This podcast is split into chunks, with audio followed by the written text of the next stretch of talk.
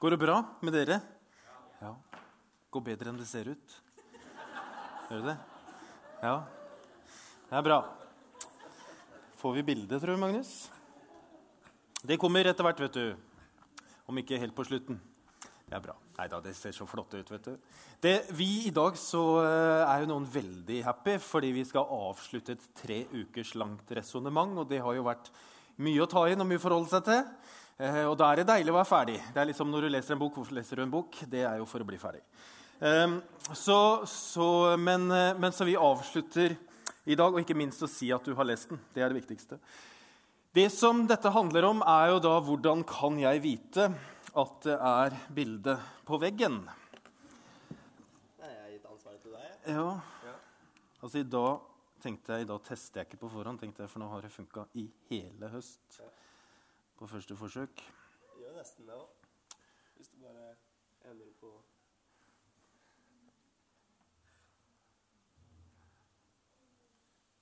Skal vi prøve den. Ja, det går bra. Det er greit. Ja. Det er godt vi har en sånn på en måte, type redigeringsfunksjon på podkasten, sånn at vi liksom kan slette alt dette innimellom. Så nå kan vi, hvis alle knipser, nei da, så blir det borte. Det vi har snakket om i de to foregående ukene, handler om hvordan vi kan lytte til Gud midt oppi alt eh, våre egne tanker, alt eh, støy rundt oss. Eh, midt oppi alt. Hvordan kan vi liksom klare å skille ut hva som er Guds stemme, og hva som er min egen? Og så har vi sett på to profeter fra Det gamle testamentet. For to uker siden så, så vi på Samuel, forrige uke så vi på Elias. Eh, og de kan du høre om igjen på nettsiden vår for å liksom catche opp i hovedsak det vi snakka om da. Men det jeg brukte litt fokus på sist eh, søndag, var dette spørsmålet Her Hvorfor er du her? Hvorfor er du her? Eh, og Da snakket vi om profeten Elias, som hadde opplevd mange store eh, tegn og under med Gud. Han hadde sett ild fare ned fra himmelen. Eh, og så etter det igjen, etter den store opplevelsen, så blir han ensom og deprimert og trist og sint og oppgitt. Og så går han ut eh, og setter seg under en busk, og så kommer Gud og så spør Gud hvorfor er du her. Og så forteller Elia masse om hvorfor han er her. sånn som vi kan gjøre. Hvorfor er du trist, Martin? Jo, det er pga. sånn og sånn.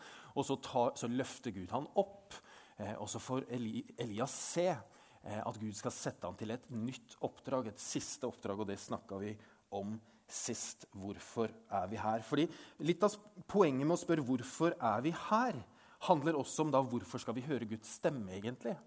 Hvorfor skal vi høre Guds stemme? Hvorfor skal vi høre hva Gud sier til oss? Er det bare for at, eh, for at vi selv skal få bekreftelse og oppleve at Gud er nær? Ja, det kan det være. Eh, og det er fint å vite og kjenne at Gud taler inn i våre liv. Ja, det er veldig viktig og veldig bra. Men samtidig, hvis vi ser på Bibelens tekster, så når Gud taler, så gjør han det veldig veldig ofte med en hensikt. Altså Han har noe som kommer etter. Eh, fordi vi er kalt til noe mye mer enn bare våre egne omstendigheter og vår egen private sfære. Og til og med Jesus sa jo det at den som tror på meg, skal også gjøre de gjerninger jeg gjør. Ja, enda større gjerninger, for jeg går til far.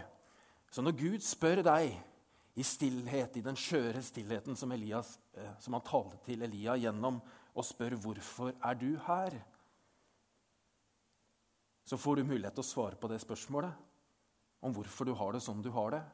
Og når du har gjort det, så kan det hende at Gud løfter blikket ditt, så du ser at til tross for mine omstendigheter i livet, så ønsker Gud å bruke meg til noe mye større, noe mye mer. Og det var, det var jo en bevegelse, eller en brann, om du vil, som, var, som starta for 2000 år siden.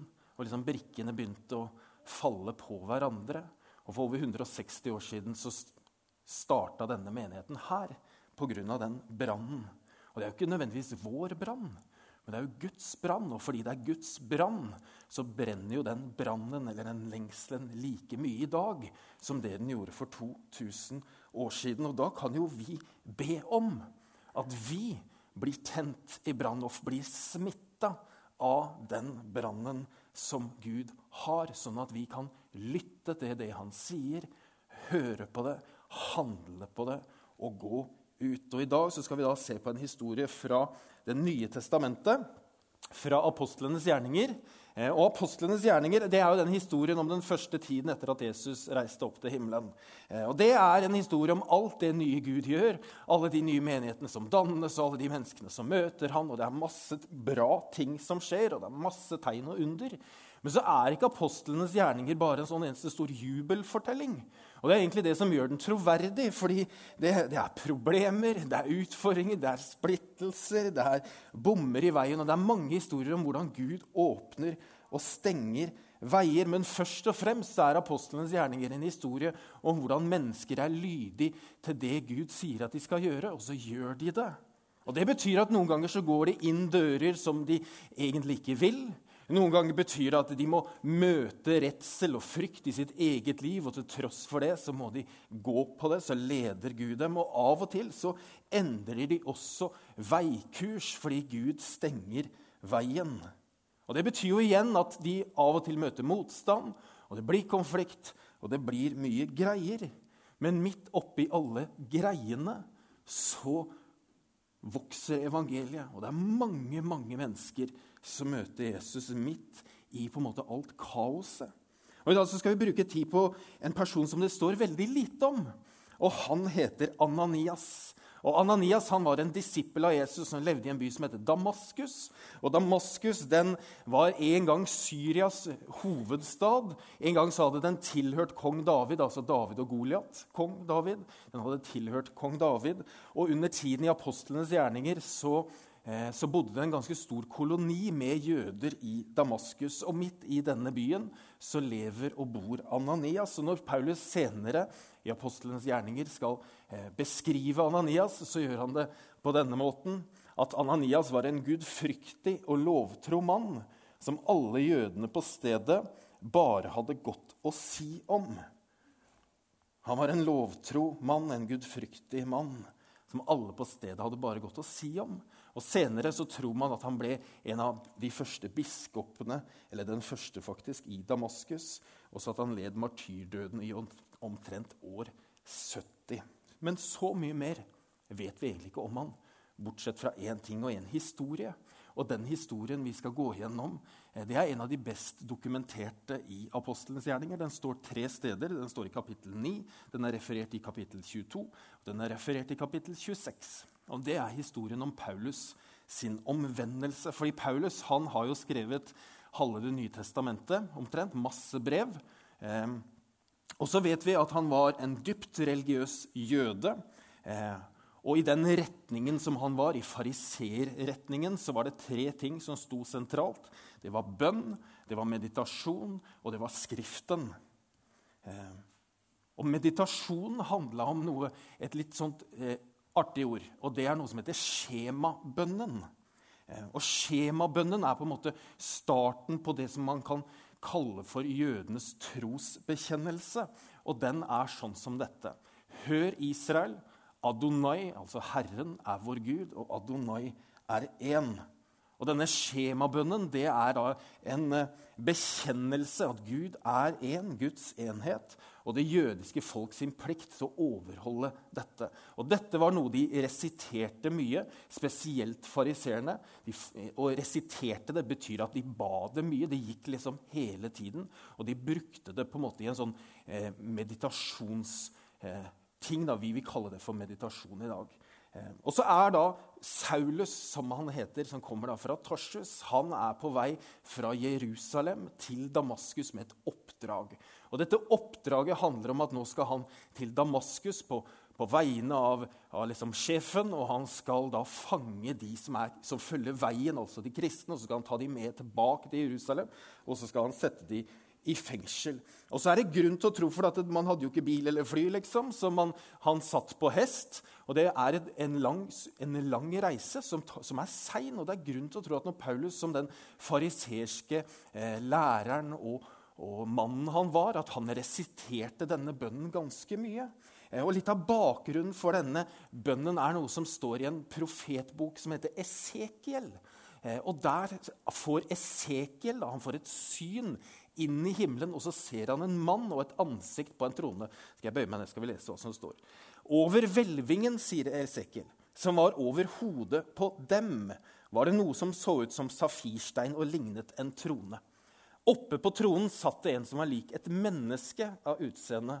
Og fra det som syntes å være hoftene oppover, så jeg noe som lignet skinnende metall omgitt av noe som så ut som ild. Og fra hoftene og nedover så jeg noe som så ut som ild omgitt av lysglans. Og lysglansen så ut som buen i skyen på en regnværsdag. Det var dette Herrens herlighet lignet slik den så ut. Da jeg fikk se det, kastet jeg meg ned med ansiktet mot jorden, og jeg hørte røsten av en som talte. Så hvis du ser for deg Paulus på vei, det er stille, han hører bare hestene, og han resiterer denne bønnen om at Herren er Gud, Herren er én. Og så går han inn i en sånn meditativ tilstand, og plutselig, midt i dette, så kommer det et skinnende lys fra himmelen. Eh, og så hører han en stemme som sier, 'Saul, Saul, hvorfor forfølger du meg?' Og Paulus han kaster seg da til bakken og blir livredd. Og så sier han, 'Hvem er du, Herre?' Og så svarer denne stemmen, 'Jeg er Jesus, han som du forfølger'. Altså Midt i denne meditasjonen, og han kan på en måte se dette, denne troen for seg, så kommer dette lyset ned. Og så hører han en stemme, og så plutselig så ser han at det ansiktet han ser, og den stemmen han hører, tilhører egentlig han som han forfølger.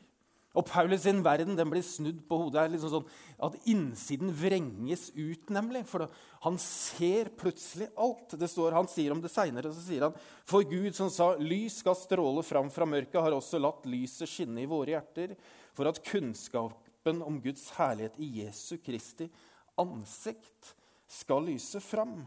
Og så skriver han, 'Er ikke jeg fri? Er ikke jeg apostel? Har ikke jeg sett Jesus, vår Herre?' Ikke jeg sett han? Og for, Jesus, for Paulus er dette mer enn bare å se, liksom. Det er se i stort format. altså Det bekrefter all, eh, alt sammen. Og plutselig så ser han at alt han er opplært i, i et helt nytt lys. At loven og profeten fra Gamle Testamentet, det er oppfylt. Og denne hendelsen viser for Paulus at den Gud som han har elsket fra han har vært barn, som han er så utrolig lojal mot, hvor han gjør alt han kan for å nå opp til Gud. Plutselig så viser det at, det, at Messias er kommet gjennom noen som han prøver å ta til fange. Paulus han var jo en høyt intelligent mann. Han hadde en av de beste utdanningene som han kunne få på den tiden. Han hadde et supert nettverk, gode forbilder, gode studiekompetanser, kom, kompiser. Studiekompi Ja da. Gode studentkompiser. Er det et ord, egentlig? Studentkompiser. Jeg skal, jeg skal ta dette til neste møte. Skal jeg endre det. Ja. Nei, ja da. Etter dette så sier, så sier stemmen Reis deg nå og gå inn i byen. Der vil noen si deg hva du skal gjøre. Mennene som fulgte han, sto målløse. De hørte stemmen, men så ingen. Saulus reiste seg og åpnet øynene, men han kunne ikke se. Så de tok ham i hånden og leide ham inn til Damaskus. Og i tre dager var han uten syn, og han verken spiste eller drakk. Vi kaller jo dette for Paulus sin omvendelse. når vi snakker om dette. Det er liksom Paulus sin omvendelse. Egentlig så er det jo et jordskjelv og en flom og på en måte et lynnedslag og alt mulig greier på én gang. Det er jo liksom ikke en sånn du vender deg om, og så alt, rister du litt, og så er alt greit. Det er ikke det. Paulus han har sett Guds ansikt i Jesus Kristus, og nå sitter han blindet i et hus i Damaskus og venter. Tre dager uten å spise, uten å se. Av og til så hører jeg historier om noen som ser Jesus i drømme. Ofte kan man høre det fra den muslimske verden, at Jesus kommer og viser seg for folk i drømme. Men når jeg leser denne teksten om Paulus som sitter blind i et hus i Damaskus, så lurer jeg på hvor mange er det, eller hvem er det, og hvor er de? Og det vet vi kanskje.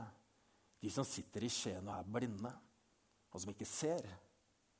Og venter kanskje på at noen skal komme. Og midt i dette så gjør Gud noe som igjen sprenger rammene. For da står det videre at i Damaskus så bodde en disippel som het Ananias. I et syn sa Herren til ham, 'Ananias.' Han svarte, 'Her er jeg, Herre.' Det var ikke noe tvil. Og Herren sa, 'Gå bort i den gaten som kalles Den rette.'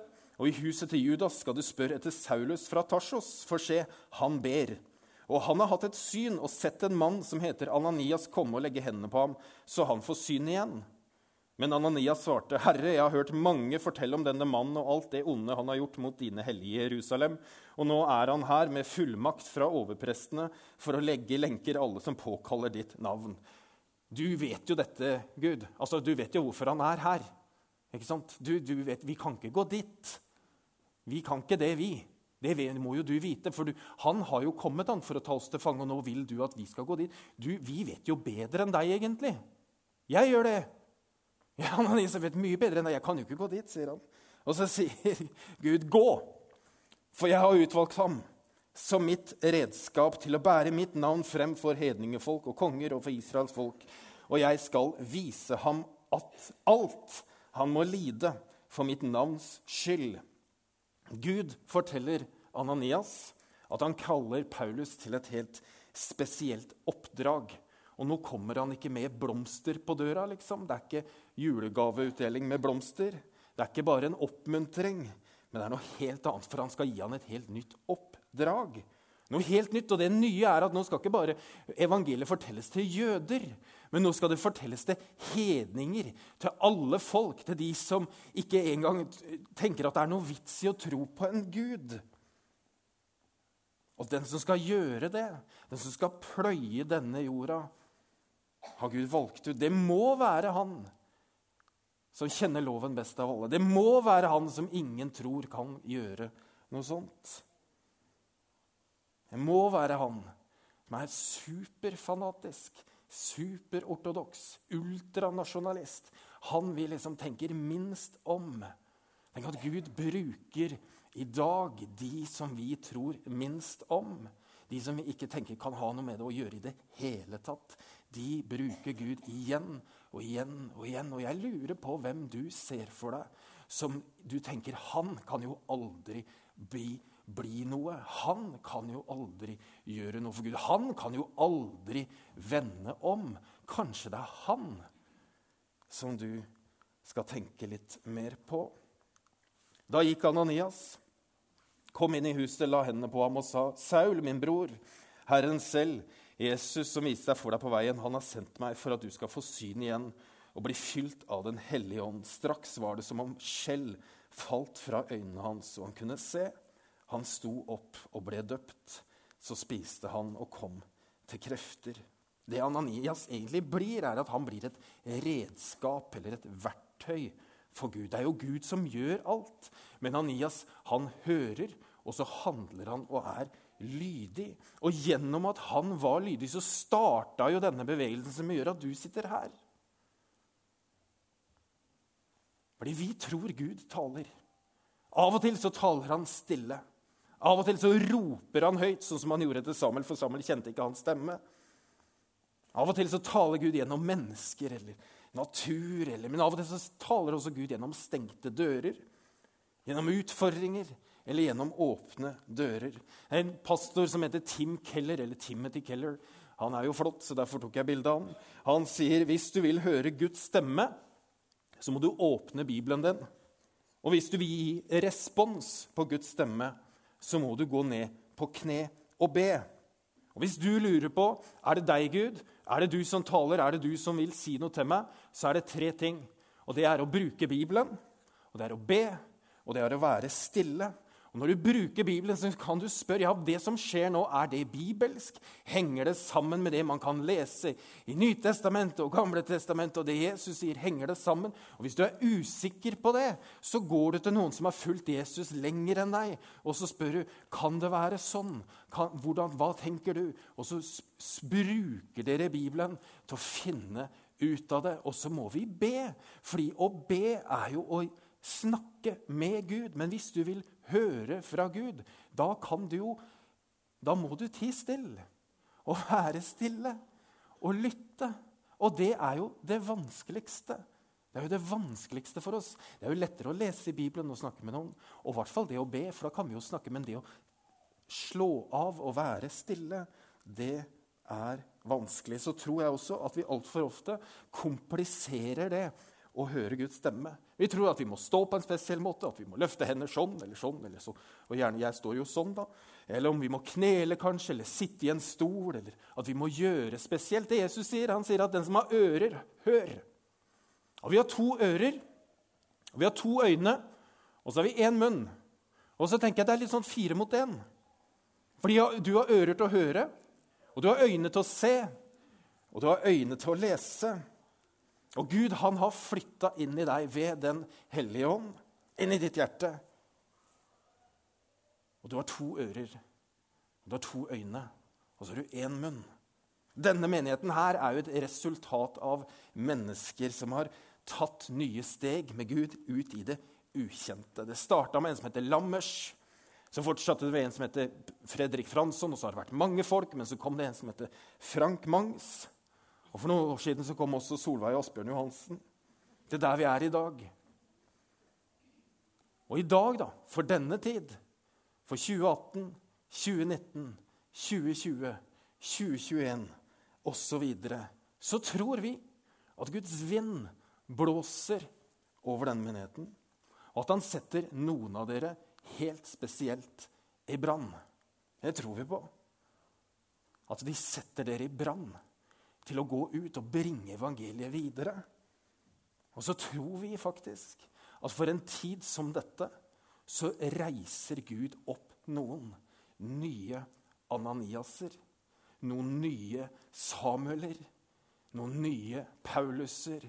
Noen nye folk som sprenger rammene som våger å gå nye steder, som våger å der, gå der som man tenker nei, vi kan jo ikke gå dit, eller vi tør jo ikke det, men som først og fremst er lyttende til hva Gud sier, og som handler på hans røst. Og Jeg har bare lyst til å si til deg at du kan være en Ananias.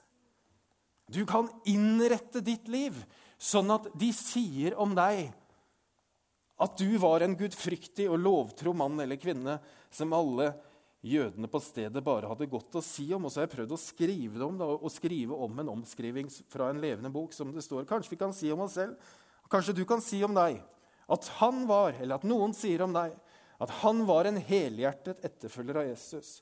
Han som var nøye med å leve et liv som æret Gud. Og Derfor var han også godt ansett og godt likt av menneskene i byen. Fordi gjennom deg, gjennom deg, så kan mennesker i byen møte Gud. Gjennom deg så kan de bli kjent med hvem Gud er. Og gjennom deg så kan de bli kjent med Gud, som gjør at de igjen løfter Gud fram til noen andre. Jeg tenker at Den eneste måten å finne ut på om Gud taler til deg, om Gud bruker deg, hva tror du det er? Det er ved å gjøre det. Hvis du er usikker og du skal si noe, så kan du si til en ja, 'Jeg har tenkt på en ting. Jeg har tenkt sånn. Jeg lurer på om sånn og sånn.' Men når du gjør noe som du ikke har gjort før, og som du lurer på er det Gud som taler til meg nå, så skal du vite én ting. Og det er at bak deg så står det en hær med engler og heier på deg. Det står en Gud bak som puster sin ånd, sin hellige ånd, inn i deg. Og som bare venter på at du skal gå. Det står en Gud som har i lang, lang tid ventet på at du skal ta det steget og gå til det mennesket, eller til de, eller til hvem det er. Og at du skal innse at livet handler ikke bare om deg og alt det du står i, alle dine ting. Det handler om noe mye, mye mer. Om å bringe evangeliet videre. Og så tenker jeg at du aner ikke hva konsekvensen blir av det du gjør av det du har lydig. Det vet bare Gud. Ananias ante jo ikke det. Samuel ante det heller ikke. Heller ikke Elia, som plutselig oppdaga at han som kom etter Elisha Han, han, han oppdaga jo ikke det, da, men at Elisha at han fikk dobbelt så mye hans velsignelse. Gjorde dobbelt så mye. Du aner jo ikke hva de du går til, skal få lov til å være med på sammen med Jesus. At, Tenk at historien er full av At Gud bruker folk som er blitt gjort narr av, som han tror var ferdige, som var utstøtt. De som ble sett ned på, de som trodde de var for unge, mange av de, og, og også de som trodde de var for gamle.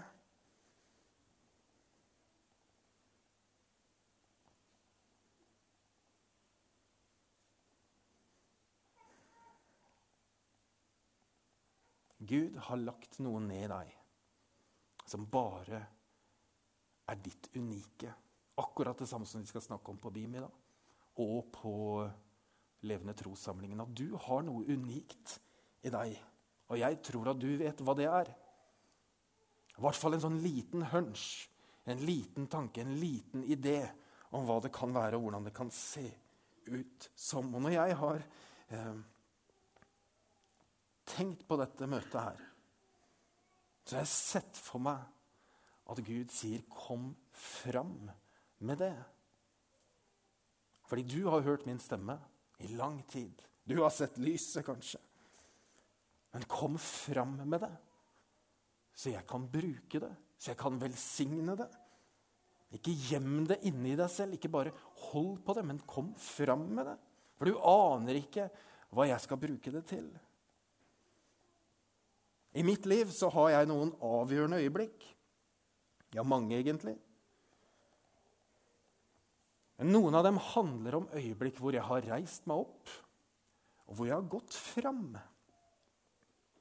Ikke for uh, Guds del, ikke for eh, de som står rundt meg sin del, eller, men for min egen del, egentlig.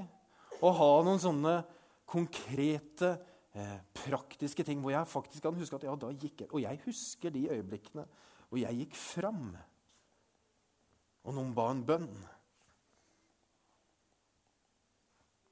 Nå skal vi gjøre noe veldig rart som vi gjør veldig sjelden her i Skien misjonskirke. Og da skal vi reise oss først. Og så blir vi alle med på denne massesuggesjonen.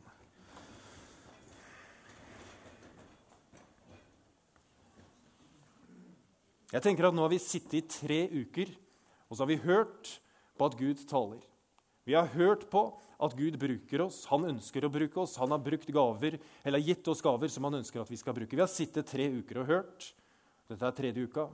Og så tenker jeg på et eller annet tidspunkt så må vi handle. Så må vi gjøre noe. Ikke bare sitte og høre og høre og høre, men faktisk gjøre noe. Og Det vi skal gjøre nå, er veldig Det pleier vi ikke å gjøre. Men jeg skal invitere dere som vil, til å komme fram. Og komme fram og stille dere her. Og så skal vi be en bønn sammen etterpå. Det er det, enklest, det, er det eneste vi skal gjøre. Vi skal be en bønn. Men så er ikke det, det noe lite. Det er faktisk noe kjempestort at du viser for deg selv at du ønsker å være en person som er lydig mot det Gud gir deg, og som ønsker å tjene Han med de gaver du har fått, og som ønsker å lytte lytte til hans røst, og du ønsker å ære han gjennom livet ditt. Og da handler det om å gå frem. Jeg har lyst til å be en bønn først. Far i himmelen, jeg takker deg for at du kjenner oss alle. Takk, Herre, for det. Takk for at du vet hvor vi kom fra, og du vet hvor vi skal hen etterpå. Og så kommer vi til deg med alt vi har. Alle drømmene vi kjenner på. Alt vi kjenner på, egentlig. Alt vi har sett alt vi lengter etter. Og så ber vi her om at du skal tale til oss. At du skal vise deg for oss at den Gud vi ser i Bibelen, også skal tale direkte inn i våre liv. Og så ber vi om, Herre, at du skal reise opp nye Ananiaser. At du skal reise opp nye Samueler, nye Eliar, nye Elishaer, nye Pauluser, nye Peter. For en ny tid for deg, som kan høre din røst og bringe det videre. Og så ber jeg, Herre, om en modighet over ditt folk. Et folk som er lydig, og som går til det du vil. Skal vi be Connect-bandet komme opp og klimpre litt? Etter hvert.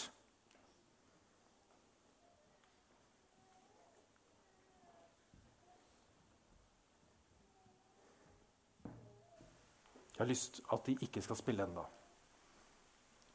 Men jeg har lyst til at Hvis du tenker i ditt liv at jeg har lyst til å vise for meg selv at jeg ønsker å være lydig, så kan du egentlig bare komme frem. Og så skal vi be en bønn etterpå. Det er ingen som kommer til å eh, ta på deg eller gjøre spesielle ting. Nå skal vi være stille, og så kan de som vil komme frem, de kommer frem.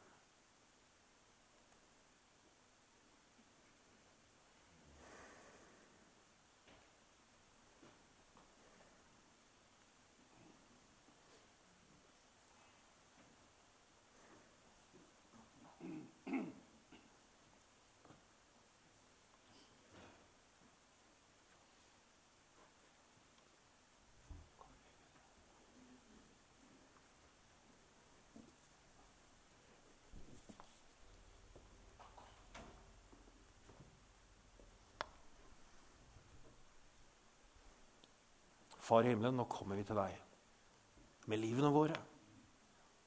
Takker deg for at du har kalt oss og løst oss ut til å gå ut og gjøre mer, til å gjøre større.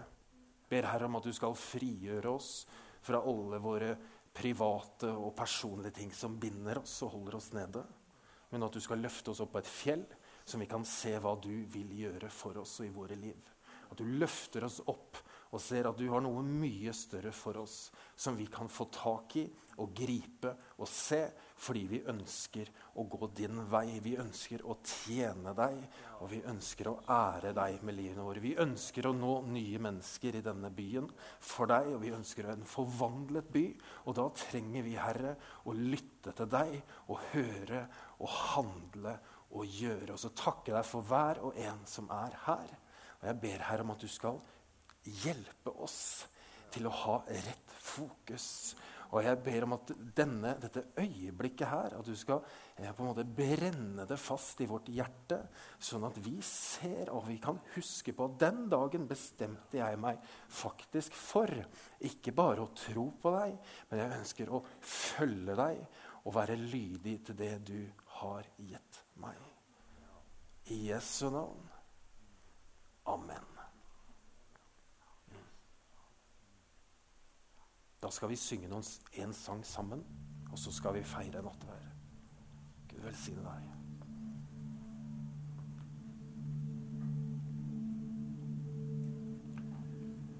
thank